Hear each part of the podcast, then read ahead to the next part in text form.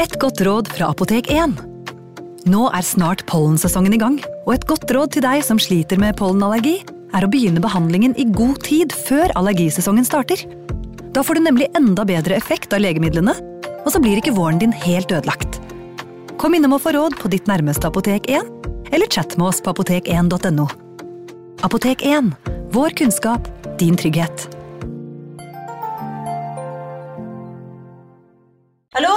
Jeg kommer fra Oslo politikammer. Ine Jansen er purk. Er du purk? The motherfucking bitch. Alt jeg vil, er å finne ut hva som skjedde med mannen min. Jon Carew. Er jeg sikta for noe? Iben Akeli. Det er du. Ole So, Lars Berrum og Big Daddy Karsten. Hvem sin side er du på, egentlig? Anette Hoff, Tone Danielsen, Kommer du fra Afrika? Jørnis Josef, Nesten. Kløfta. Trond Espen Seim, Det er synd å si det, men det var feil mann som døde. Purk. Premiere tirsdag på TV2 Play. Advarsel. I denne podkasten vil du høre historier basert på informasjon programlederne har funnet selv. Programlederne står ikke nødvendigvis inne for meninger og syn som fremstilles. Noen påstander kan avvike fra virkeligheten.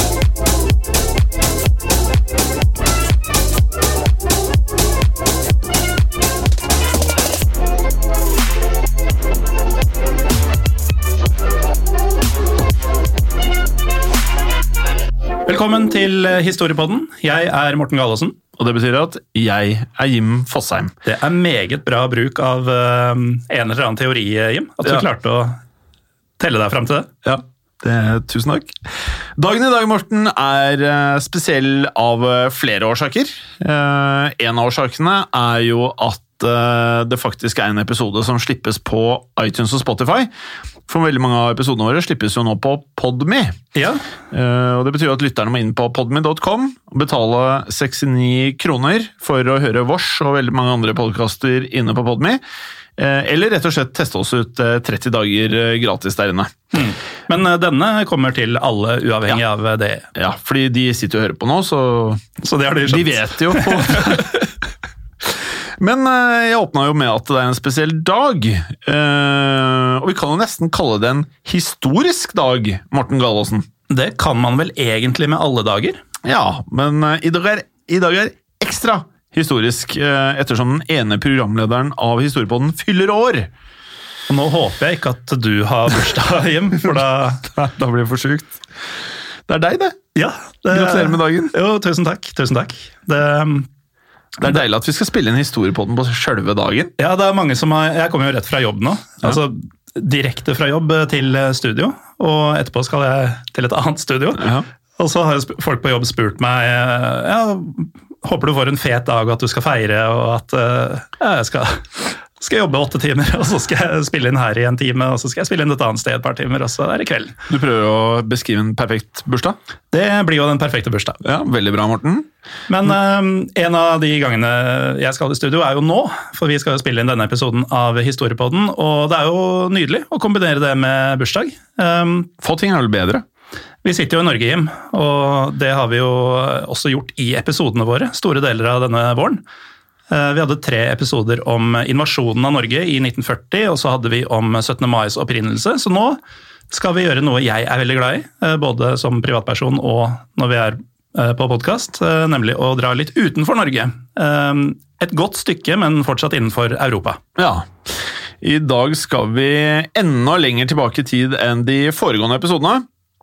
For nå skal vi tilbake til 900-tallet, altså ikke 1900-tallet, men 900-tallet. Som da tilsvarer det man refererer til som middelalderen. Ja, og øh, hvilket forhold har du til middelalderen? Altså, når jeg er ute og reiser, så er det veldig ofte sånn Medieval Torture Museum, Ja, ja, som er et av trekkplastrene i byen. Så jeg tenker på grusomme folk eh, som tyr til grusomme straffer og sånn. Og det jeg ofte tenker når eh, jeg i likhet med deg går forbi noen sånn medieval setup i utlandet, så tenker jeg hvordan det har blitt nesten sånn følelse som populærkultur. At det liksom er en kul greie at folk ble torturert på det verste tenkelige vis. Det er ikke vi skal få ut noe informasjon ut av deg, så man drar i en del av kroppen og så gjør det vondt, men det var om å gjøre å være kreativ. Ja, virkelig, altså. Og vi har jo sett mye på både gangsterfilmer og, og thrillere og sånn, hvor det er moderne tortur. Eh, Det er jo ikke i nærheten av like grusomt som det du drev med på i gamle dager. Så et eller annet sted så har tortur rett og slett tapt seg i forhold til hvordan det var eh, i middelalderen. Eh, men vi skal da til middelalderen, og vi skal til Russland, på en måte. Ja, på en måte. For det vi omtaler som Russland i dag, er ikke nøyaktig de samme områdene som det som het eh, Det russiske riket på 900-tallet. Det er jo for så vidt litt naturlig, da. Eh, Det er mye som endrer seg på litt over 1000 år. Det daværende russiske riket inneholdt områder fra dagens Russland, Ukraine, Polen og Hviterussland. Dette her høres ut som land som du har ferdes i, eller? Alle sammen? Alle unntatt Russland. Alle unntatt Russland. Der har jeg vært. Jeg har ikke vært i Ukraine. Så mellom oss har vi vært i hele det daværende russiske riket. Eh, godt observert, Morten. Mm. Eh, de viktigste, altså i gåstein viktigste, altså de mektigste byene på, eh, på denne tiden var altså Kiev og Novgorod.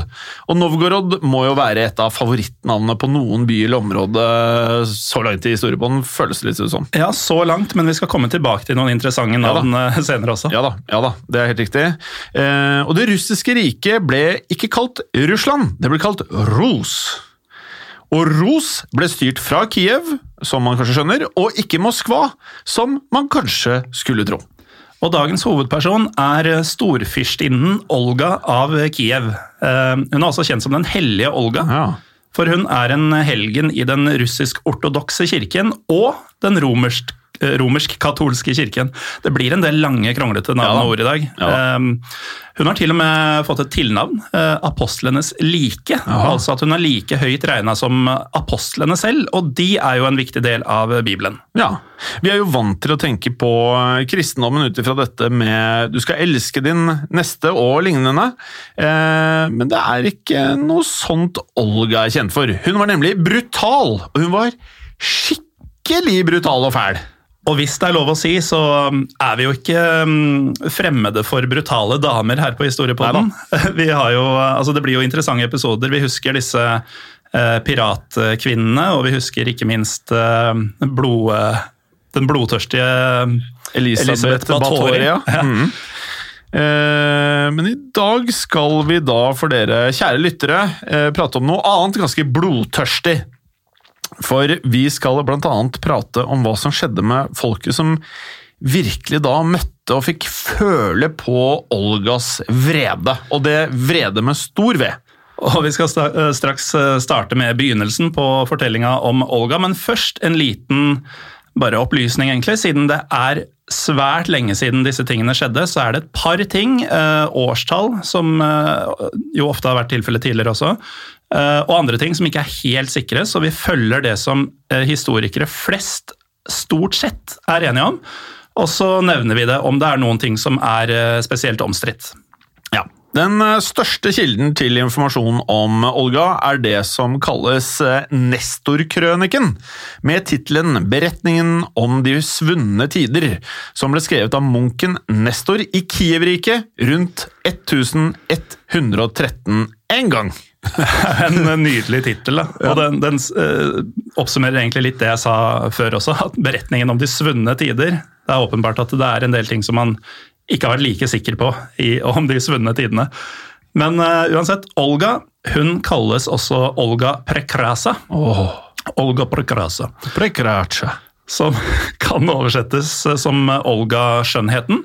Eller som ville vært mer naturlig å si på norsk, kanskje, Skjønnheten Olga. Eh, En legende fortalte at hun var en bulgarsk fyrstedatter, født i det bulgarske riket, men det er ikke tilfellet. Nei, faktisk forteller Nestorkrøniken og andre kilder at hun enten kom fra folkene væringene eller varjagere. Varjagere. Dette var navnet på skandinaviske og nordiske folk som hadde reist langs de store russiske elvene for å gå i keiserens tjeneste i Konstantinopel. Dette kan jo da tolkes som vaskeekte vikinger. Og det er ganske fett. Eh, Og apropos eh, skandinaver som reiser eh, denne sjøveien, disse russiske og ukrainske elvene ned til Konstantinopel, så er det en serie på NRK Team Bakstad. Aha. Hvor to litt aldrende, trivelige, folkelige komikere faktisk reiser den samme ruta med båt og treffer på hyggelige folk og vanskelige sjøveier. Noe jeg føler Morten Gallesen rett eh, kunne la oss ha dragning mot en sånn type tur, altså. Ja, jeg likte den veldig godt. Vi liker jo vikinger godt her i Storbåt, Morten. Ehm, noen av disse væringene og varejagerne, altså vikingene, slo seg ned i det skandinavene kalte Gardarriket. Åh, for et navn! Gardar. Eh, høres litt sånn Lord of the Rings ut. Ehm, sånn da var det norrøne navnet på det russiske riket Ros. Så Olga av Kiev var altså av skandinavisk opphav, og navnet hennes kom av det norrøne navnet Helga. Eh, Den største og dominerende folkegruppa i det russiske riket, det var østslavere. Men i hoffet og i hers herskerslekten eh, var det særlig mange av skandinavisk avstamning. Og angående Olga selv, så regnes det typisk som at hun ble født rundt år 879, og det er det som er litt spennende, at man sier rundt år 879, og så hvorfor ikke si 880, eller rundt år 890. Litt avhengig av hvilke oppslagsverk man eh, refererer til. Men det blir verre. Ja, ja. Det blir verre. For noen steder så um, skal det være så sent som i 925, altså år 925. Så dette er åpenbart eh, ikke helt enkelt, i hvert fall for oss å finne ut av. Det er jo nesten et sprik på 50 år. Ja, det er litt sprik der. Som er Fortellinger om svunne tider, det er virkelig en god tittel. Og folk på den tiden, så 50 år, det var kanskje så mye som to mannsaldre. så litt, eh, litt eh, variasjon her da. Uansett sies det at hun har vært svært vakker. Eh, så kan jo det være sant, eller ikke sant? Og at hennes skjønnhet kun ble overgått av hennes visdom, selvfølgelig. Men eh, fra tidlig av så var mest sannsynlig ikke Olga en kvinne som var voldsomt uh, høyerestående. Eh, vi vet egentlig ikke stort om Olgas liv fram til hun gifta seg, men da giftermålet først skjedde, så giftet Olga seg med en svært viktig person, selveste fyrst Igor av Kiev, som da var arvingen til tronen i hele det russiske riket. Og dette var før russiske herskere het tsar og tsarina, eh, titler vi kanskje husker fra episoden om Rasputin. Jim. Ja, flotte titler, for så vidt. Og norske kilder varierer litt i den nøyaktige tittelen Igor og Olga hadde når man overfører det til norsk. Eh, Det som virker å være mest brukt, er storfyrste og storfyrstinne. Ja, så det er det vi bruker. I eh, år 1912 døde 1912 er litt uh... Så er det 1912? Ja, ja. 912 Det var bedre. døde den forrige herskeren av Ros, som het Oleg Vesjtsjny. Nei, Vesji. Og, og Igor ble herren over det russiske riket i 913. Om Olga satt ved hans side allerede da, kommer litt an på når historikerne tror at de giftet seg, som også er ganske omdiskutert, som man kan skjønne ut fra informasjonen vi har så langt. Men vi kommer snart til noen eh, mer, ja, kan vi nesten kalle det sikre årstall, da, kanskje? Kanskje det. Eh, uansett, eh, rett etter at eh, Igor overtok tronen, måtte han uh, hanskes med et opprør blant drevlianerne, oh. som var et slavisk folk i riket Ros, som skal bli svært viktige i denne fortellinga. Det er bare å bli vant til å si, og også for dere som hører, ordet drevlianere. For dem skal det handle mye om her i dag. Jeg er veldig klar for å si drevlianere ofte. Å lage historieboden betyr jo, Morten, at jeg må si en masse ord som jeg aldri har sagt uh, høyt før. Så selv når jeg, når jeg leser meg opp til episoden, så er det jo ikke alltid jeg husker å si tingene høyt. Så jeg leser ting inni meg, og så når jeg skal si det, så er det litt mer keitete noen ganger. Ja, det, det er litt sånn varierende hell vi har Ja. på, på en del av disse ordene. Og det, Men det er gøy. Spesielt folk i. Nord-Norge, vet det. Ja. Ja. det er kjempegøy, og vi, vi prøver. Og noen ganger prøver vi hardt, og noen ganger er vi litt tøysete. Men eh, ja, ja, jeg, du tøyser litt. Jeg prøver. Ja, nei, jeg tøyser litt. jeg, jeg husker godt Paris, for eksempel, forrige gang. Eh, Uansett, eh, dette folket, da, drevlianerne, de eh, gjorde opprør fordi de nekta å betale skatt til fyrsten Igor av Kiev. Dermed så sendte Igor styrkene sine mot drevlianerne og nedkjempa dette opprøret. Etter dette opprøret var det stort sett fred og ro i Ros en god stund, men så kommer det et viktig år, år 945.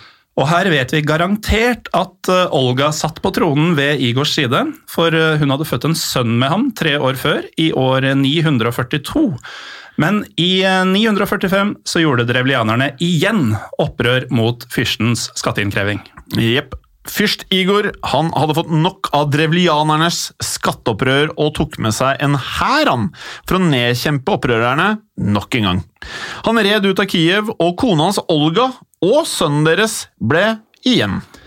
Igor og hæren hans reiste til drevlianerne og nedkjempet opprøret deres nok en gang.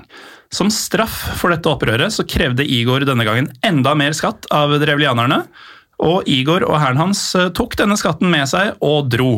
Men på vei tilbake til Kiev så bestemte Igor seg for at uh, han var slett uh, ikke ferdig med drevlianerne. Igor sendte hoveddelen av hæren sin hjemover mot Kiev med skattene han hadde samlet inn, og selv tok Igor en liten styrke med seg tilbake til drevlianerne. Igor ville kreve enda mer verdier av det opprørske folket, som er det motsatte av eh, hva de ønsket, selvfølgelig. Ja, og drevlianerne de fikk eh, panikk, og siden Igor bare hadde med seg en mindre styrke denne gangen, så klarte drevlianerne å overmanne denne styrken og ta Igor til fange. Eh, så de tok med seg fyrsten, eh, altså Igor, til noen bjørketrær like utenfor den revlianske byen Iskorosten, som lå nord i det vi kaller Ukraina i dag. Det var ganske godt uttalt, Morten. Jeg vet ikke. Eh, jeg, jeg, tror det var bra. Der bøyde drevlianerne et stort bjørketre ned til bakken og bandt fast Igors ene arm og bein til det.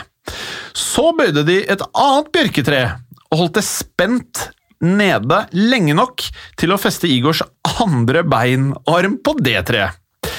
Så bjørketrærne var da altså spent ned, så det blir litt som uh, om man tenker uh, hvordan en sprettert fungerer. Bortsett fra at her var det da et menneske tilknyttet denne megastore spretterten. Så du holder da spretterten tilbake, men vi eh, kan jo kanskje da tenke oss til hva som skjer når man slipper en sånn sprettert naila til kjøtt og bein? Ja, og litt sånn eh, som man kanskje tror det skal gå nå. Sånn var det med disse bjørketrærne. Eh, begge trærne som Igor var bundet til, det var jo sterke trær som bare ble holdt nede av stor kraft. Og når denne kraften slapp, altså at man kutta tauene som holdt dem i dette spennet, så ville de sprette opp og fra hverandre igjen. Og disse to trærne, som ville sprette opp i hver sine retninger, var Igor bundet fast til. Ja. Så dere kan jo kanskje tenke dere til hva drevlianerne hadde tenkt å gjøre videre. De eh, løsnet da disse nedspente bjørketrærne. Som en bysantisk skribent eh, skrev Then the Drevlians let the trees straighten Thus tearing the princess body apart. Ja. Så på godt norsk Igor ble revet i to. Det er ikke så ofte man sier i store bånd heller. Det er faktisk eh, første gang, tror jeg. Det er nok første gang. Han var også bundet til begge trærne, og da de spratt opp i all kraft, rev trærne kroppen til Igor rett i to. Og det er jo en veldig middelaldersk måte å dø på, vil jeg si. Nesten litt mild. ja, til å være middelaldersk. Ja. Eh, det minner meg litt om en annen straff som også ble brukt eh, før i tiden, der man gjorde omtrent det samme, men med hester i stedet for trær.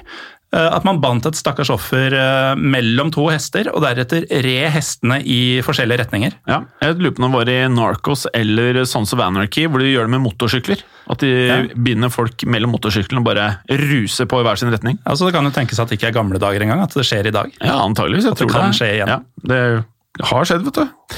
Eh, det er det samme prinsippet, ja. Så det var eh, slutten, som vi da selvfølgelig skjønner her, for eh, fyrst Igor av Kiev, som overhodet av riket. Igor kom da aldri hjem til Olga og deres tre år gamle sønn.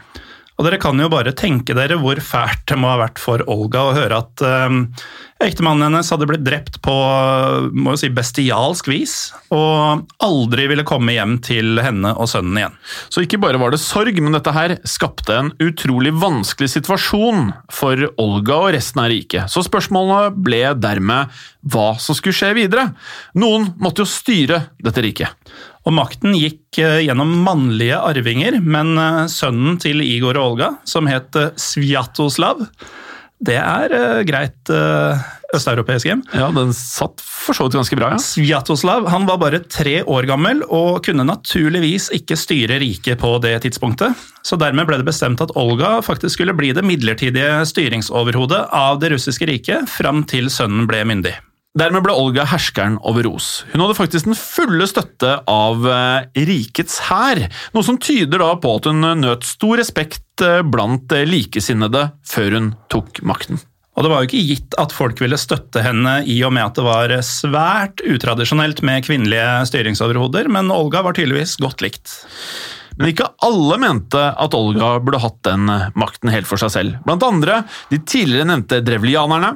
Drevlianerne var nok eh, høye på da, egoet sitt, fordi de da hadde klart å drepe Igor.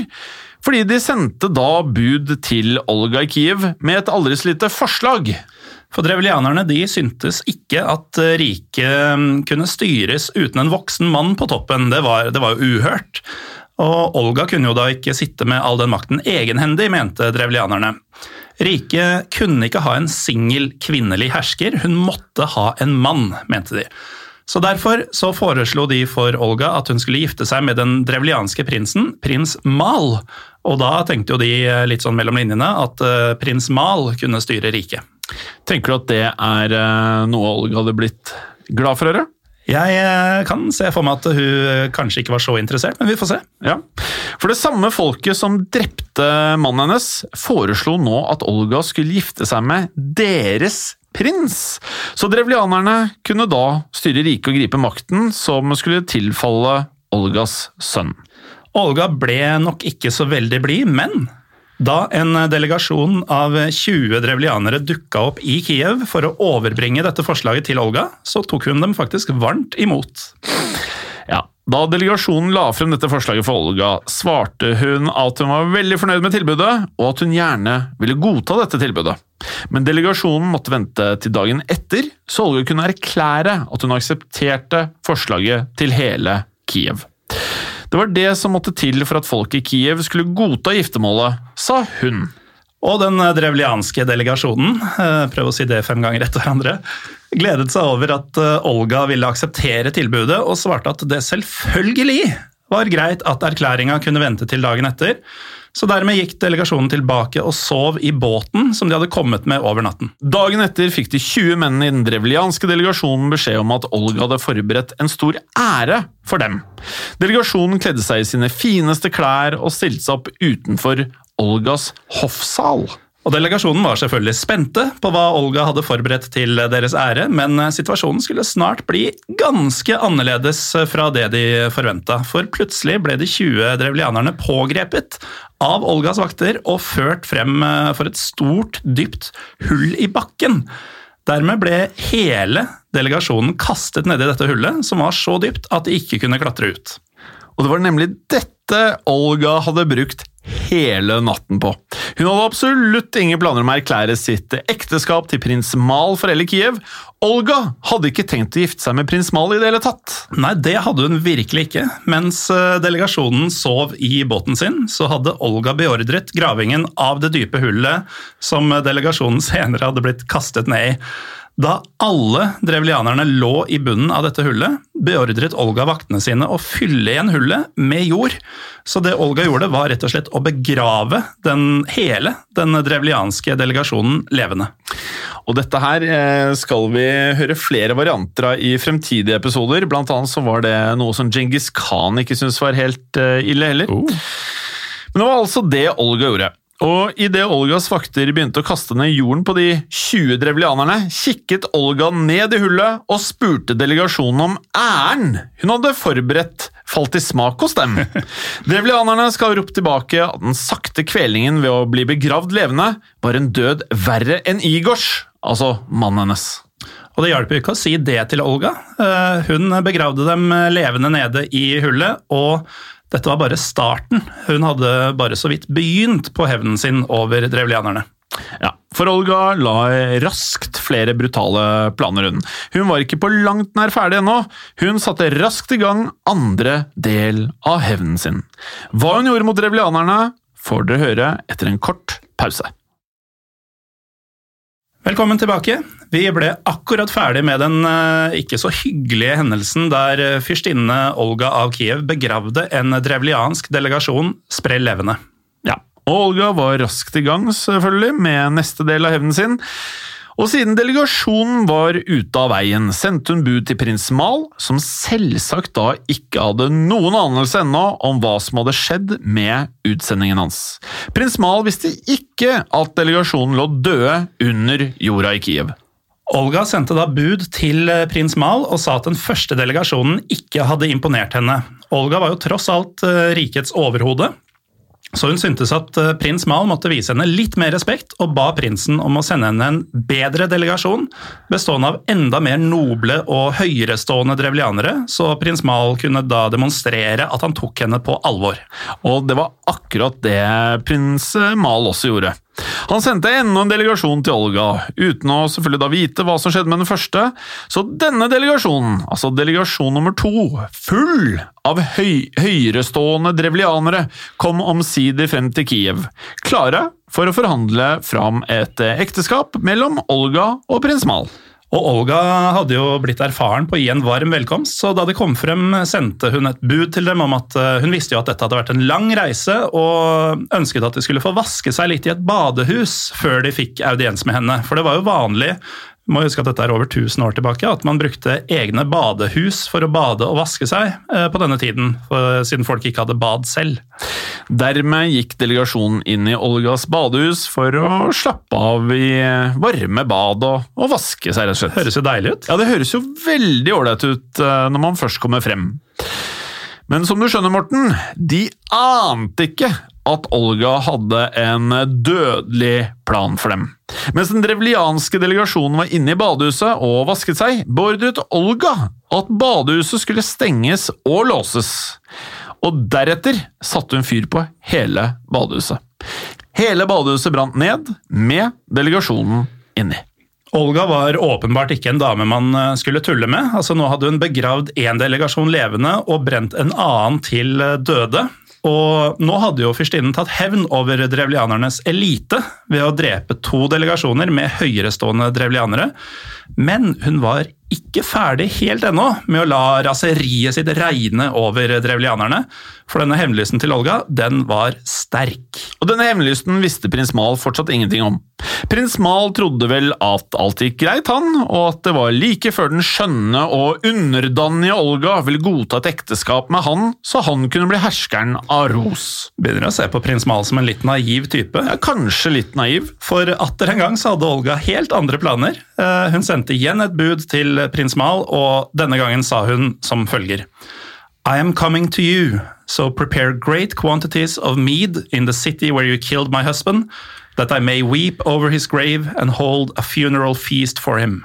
Ja, Olga ba om uh, trygt leie til drevlianernes områder, så hun kunne holde en gravfest for hennes falne ektemann Igor. Prins Mal sa ja til dette, mest sannsynlig så han det som en mulighet til å diskutere ekteskapsplanene videre. Og det at Olga ville holde en gravfest til Igors minne i drevlianernes land, var tilsynelatende et tegn på at Olga var innstilt på vennlighet, heller det enn fiendtlighet. Ja, det var kanskje det prins Mal tenkte, men Olga var jo absolutt ikke interessert i vennlighet. Ehm, prins Mal lovet Olga dette trygge leiet gjennom drevlianernes områder, og da hun kom frem, så stelte Olga i stand en skikkelig gravfest. Først holdt Olga en begravelse for Igor, og det var mange viktige drevlianske krigere til stede. Etter det stelte Olga i stand en storslått fest for de drevlianske soldatene. Under denne festen ble det tømt krus etter krus med mjød blant gjestene. De fleste deltakerne på denne store festen ble etter hvert, eh, som du kan skjønne, Morten, litt eh, beruset, og kanskje veldig beruset. Kanskje veldig, veldig beruset? Kanskje ekstremt beruset.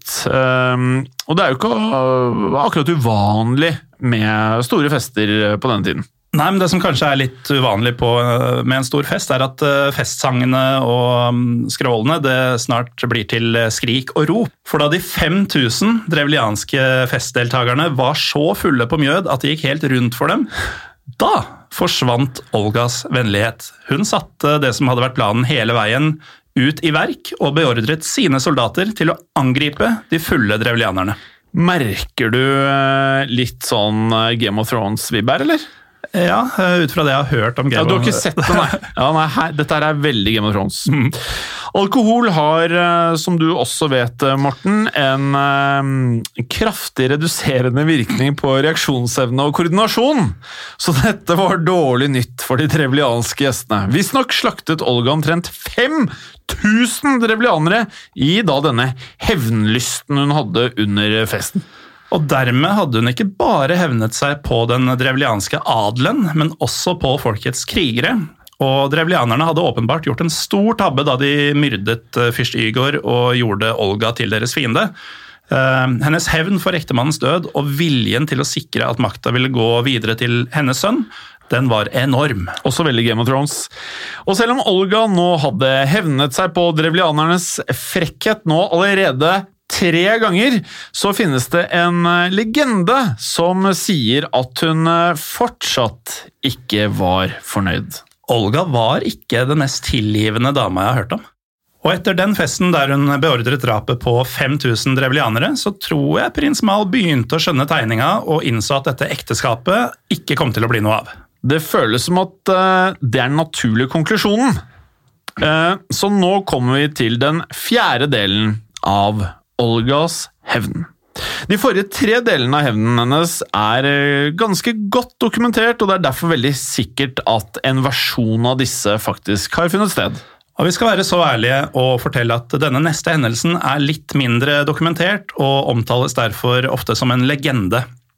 Det betyr at det er ikke helt sikkert at dette var noe Olga faktisk gjorde. Det kan være sant, men historikere kan ikke si det sikkert.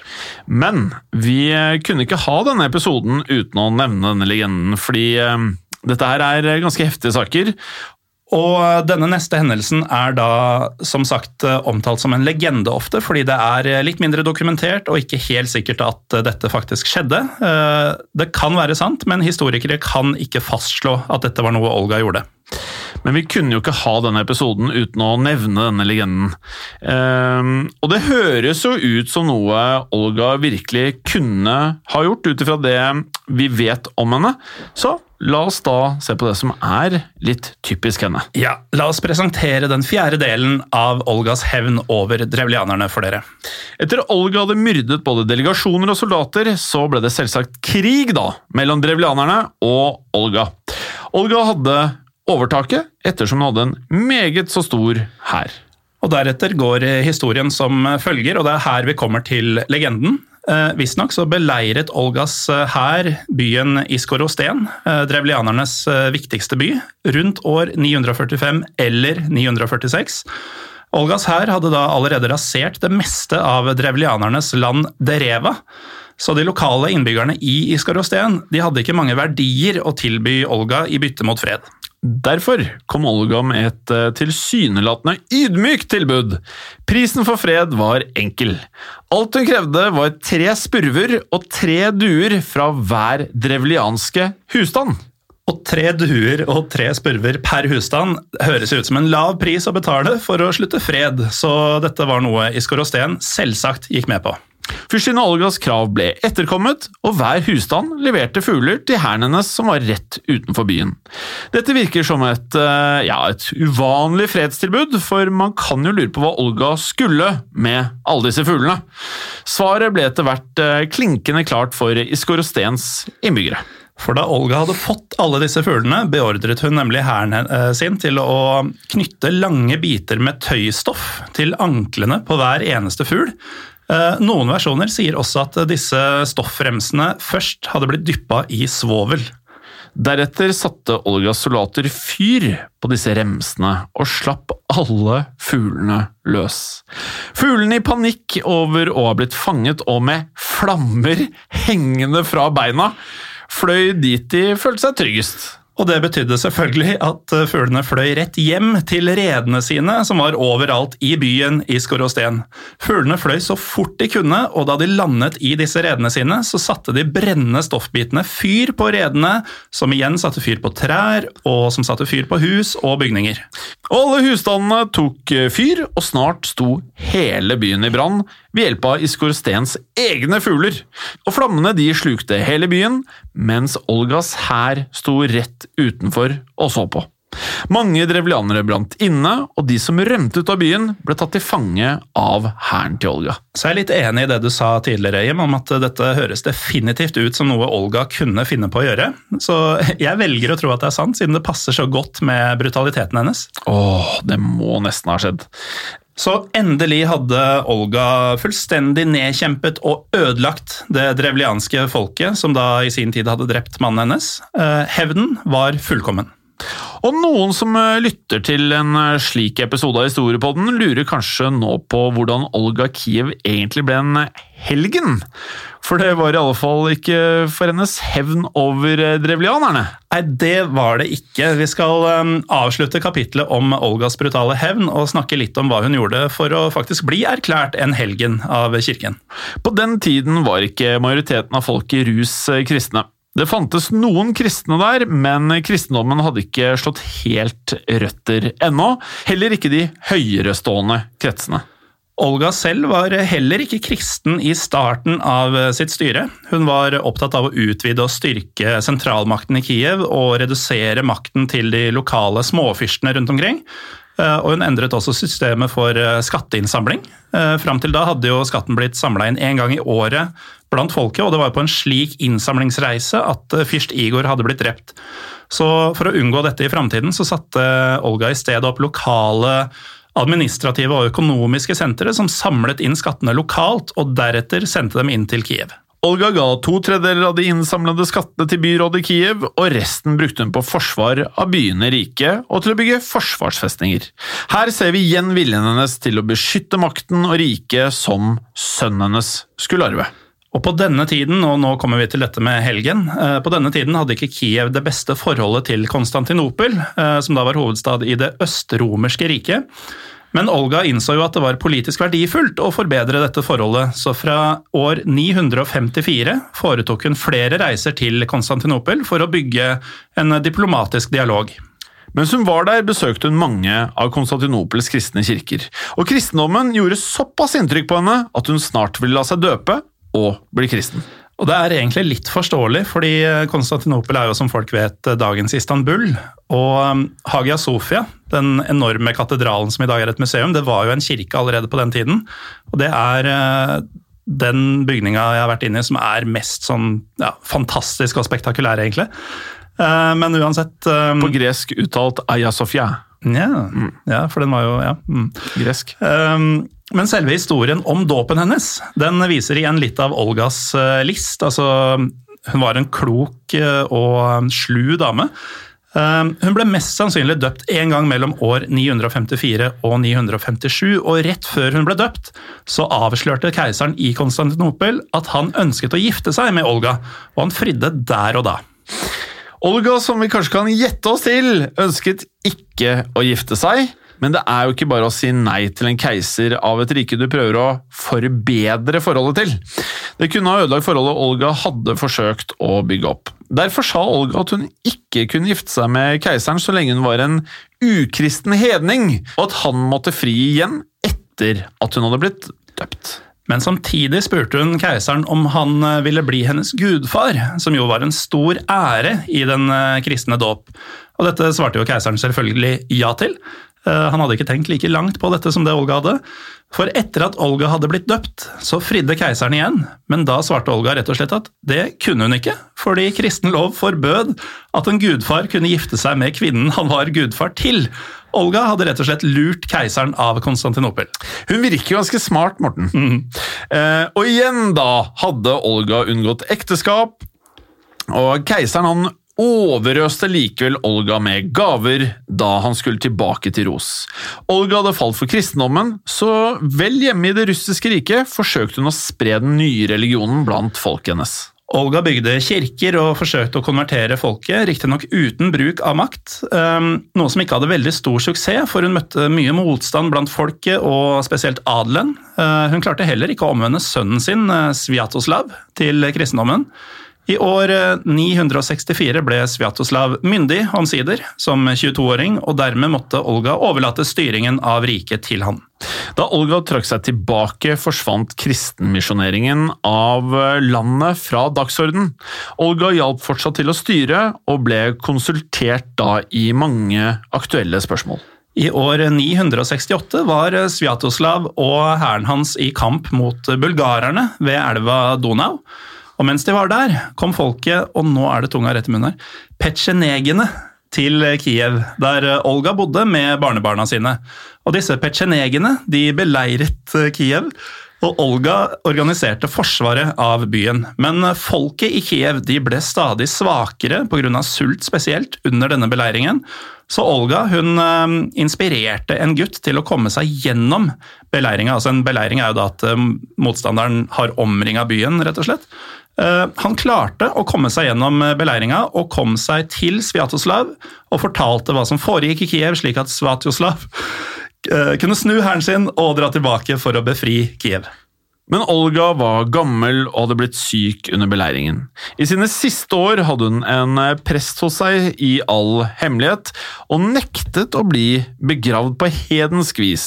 Da hun døde den 11. juli år 969, ble hun begravd på kristenortodokst vis. Selv om Olga ikke hadde særlig suksess i å omvende det russiske folk til kristendommen, så inspirerte hennes forsøk og kirkebygging sønnesønnen hennes Vladimir, som overtok makten etter sin far Sviatoslav. Vladimir var den som gjorde Ros kristent, og Olga får æren for å ha begynt dette arbeidet og for å ha inspirert Vladimir. Av denne innsatsen i det russiske rikets overgang fra det hedenske og de hedenske skikker til kristendommen, ble Olga erklært en helgen av den ortodokse kirken i år 1547. Hennes dag er 11. juli, datoen hun døde.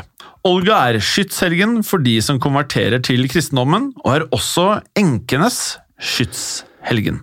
Og det at hun er enkenes skytshelgen, det forstår vi godt etter at hun drev med de tingene hun gjorde etter å ha blitt enke selv. Og med det så ender historien om den hevnlystne storfyrstinne Olga av Kiev. Og den har vært meget interessant og ja, oppsiktsvekkende.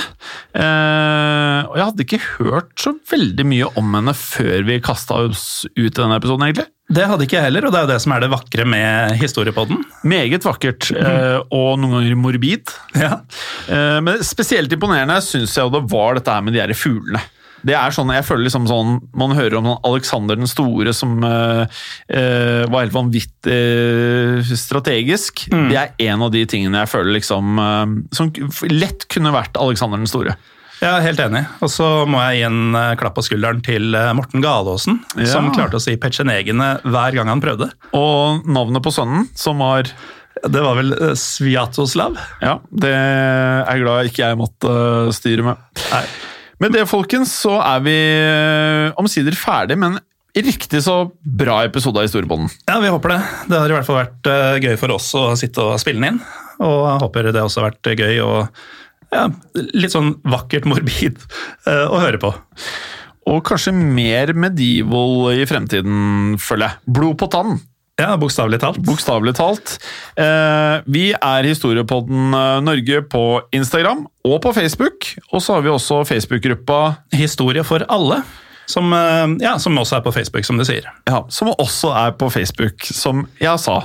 Eh, der kan dere over lav terskel prøve å smelle inn innlegg, om det er filmer av eh, historisk karakter, bøker, annet, bilder, hva det enn måtte være. Eh, så ønsker vi at dette skal være et sted hvor dere lyttere kan dele interessant historisk informasjon mellom hverandre. Og det at lytterne har delt interessant historisk eh, informasjon på den gruppa, det har skjedd. Og det kan vel skje igjen. Ha det bra! Ha det! I produksjon av Historiepodden så ønsker vi å takke Håkon Bråten for lyd og musikk. Takk til Felix Hernes for produksjon. Takk til Ellen Froktenestad for tekst og manus. Og takk til deg, Morten Galesen, for programlederrolle. Og takk til deg, Jim Fosheim, for programlederrolle. Moderne media. Har du et enkeltpersonforetak eller en liten bedrift? Da er du sikkert lei av å høre meg snakke om hvor enkelt det er med kvitteringer og bilag i fiken, så vi eh, gir oss her, vi. Fordi vi liker enkelt. Fiken superenkelt regnskap. Hei, og takk for at du lytter til Historiepodden. Skulle du ønske at du kunne høre en ny episode av Historiepodden hver eneste uke? Vel, da er det én ting å gjøre. Da kan du laste ned podkastappen Untold med det samme. For i tillegg til ukentlige episoder av podkaster som Historiepodden andre verdenskrig, Henrettelsespodden og også Gangsterpodden, så får du masse annet reklamefritt og også eksklusivt innhold. Last ned Untold i AppStore eller Google Play og start din 30 dagers gratis prøveperiode allerede i dag.